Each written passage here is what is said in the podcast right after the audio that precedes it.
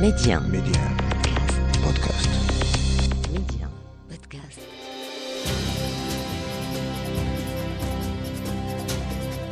غداة السادس عشر من أكتوبر ألف وتسعمية وخمسة وسبعين وما بعده في الحلقة السابقة تطرقت إلى ذلك اليوم الذي لا ينسى والذي بات محفورا في ذاكرتي وحياتي. السادس عشر من أكتوبر 1975 يوم عودة النهائية إلى أرض الوطن لبدء الدراسة الجامعية ثم بداية ممارسة المهنة والذي صادف الخطاب التاريخي الذي أعلن فيه العاهل الراحل حسن الثاني عن تنظيم المسيرة الخضراء وهو نفس اليوم الذي أصدرت فيه محكمة العدل الدولية رأيها الاستشاري حول الصحراء المغربية والذي أكد أن الصحراء أرض تربط سكانها روابط تاريخية وعلاقات بيعة مع الدولة المغربية.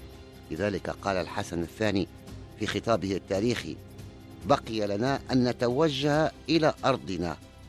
الصحراء فتحت لنا أبوابها قانونيا واعترف العالم بأسره بأن الصحراء كانت لنا منذ قديم الزمن.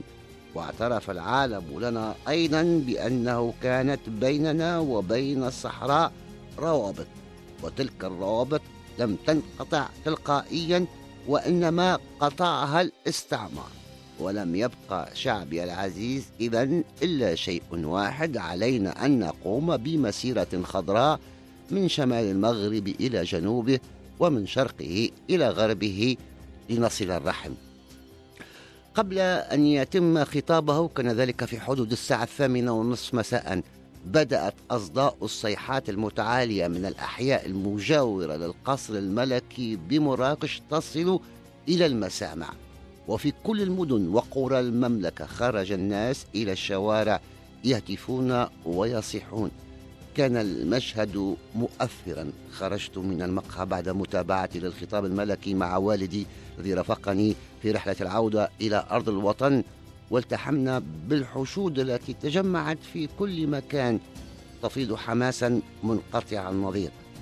على إيقاع هذا الشعور وهذا التحول التاريخي الكبير بدأت خطواتي الأولى في الجامعة والحي الجامعي وظهر الهوس الصحفي حيث بدأت الإعداد لمقالات تهم الحدث لإرسالها إلى إحدى الصحف التونسية.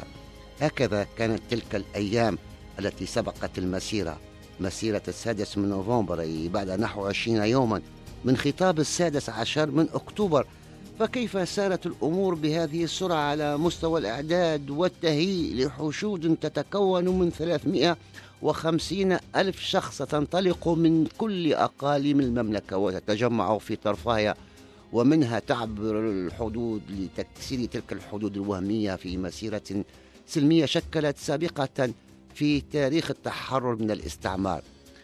لقد بدأ العمل والتحضير منذ اليوم الموالي لخطاب 20 غشت 1975 وفي منتهى السرية. ثلاثة فقط كانوا على علم. ثلاثة مسؤولين إلى جانب الملك. وقال مهندس هذه المسيرة الخالدة الراحل الحسن الثاني في كتابه ذاكرة ملك شرحت لهم أن عدد المشاركين في المسيرة سيصل إلى 350 ألف أي ما يعادل عدد المواليد سنويا وبدأ التهيئ للتموين إحصاء كمية الخبز اللازمة لإطعامهم وعدد الشموع الضرورية لإنارة الخيام والأغطية والمواد الغذائية وخزانات حفظ الماء والأدوية. وتابع لقد عملنا نحن الأربعة في سرية تامة حتى مطلع شهر أكتوبر وهناك كان لابد من الإصرار للحكومة بذلك وكذلك عمال الأقاليم حتى يفتحوا في الوقت المناسب المكاتب لتسجيل المتطوعين. وقد جاء كل هذا التأخر في إخبار الحكومة لأن كتمان السر كان أسهل بين أربعة أشخاص أكثر منه بين ثلاثين. فما بالكم إذا أفشي السر بين أزيد من أربعين عامل إقليم لا سيما وأن تسرب هذا السر كان سيكون مميتا وستكون له انعكاسات وخيمة على الصعيد الدولي. وعندما فتح باب التسجيل للتطوع كانت المشاهد مثيرة حشود أمام مكاتب في كل الأقاليم. لكن تم انتقاء 350 ألف شخص 10% منهم من النساء. وتم الاكتشاف فيما بعد أن عددا منهن كن حاملات وإحدى عشرة وضعن حملهن إبان المسيرة. وراج اسم مسيرة الذي أطلق على العديد من الفتيات حديثات الولادة في ذلك العام. وعندما فتح باب التسجيل والتطوع كان هناك زملاء لنا في الحي الجامعي. ودعناهم في حفل كبير وخصصنا لهم استقبالا حافلا بعد العودة.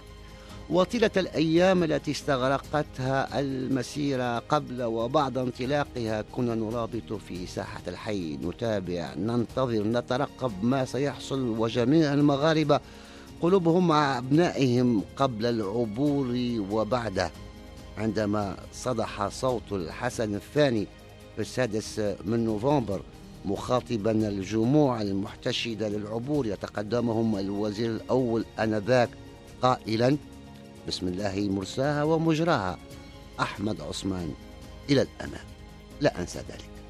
بعد خطاب السادس عشر من أكتوبر 1975 تفجر شعور كبير في المغرب وعلى كل المستويات. وبعد مرور كل هذه السنوات لا يمكن أن أنسى تلك اللحظات لقد جسدت المسيرة الخضراء في السادس من نوفمبر مبادئ تشبث المغاربة بترابهم الوطني بإجماع كافة فئات وشرائح المجتمع والتحام العرش بالشعب. وتألق المبدعون كذلك فأنجزوا تلك القطع الخالدة. فمن منا لا يردد دائما نداء الحسن. صوت الحسن ينادي بالملكة صحراء افرحي يا أرض بلادي أرضك صبحت حرة. المبدع فتح الله المغاري الذي فارقنا قبل فترة قريبة في الثالث من سبتمبر الماضي ورائعة جيل جلالة العيون عينية والساقية الحمراء ليا والواد وادي يا سيدي وللحديث شجون وإلى لقاء قادم.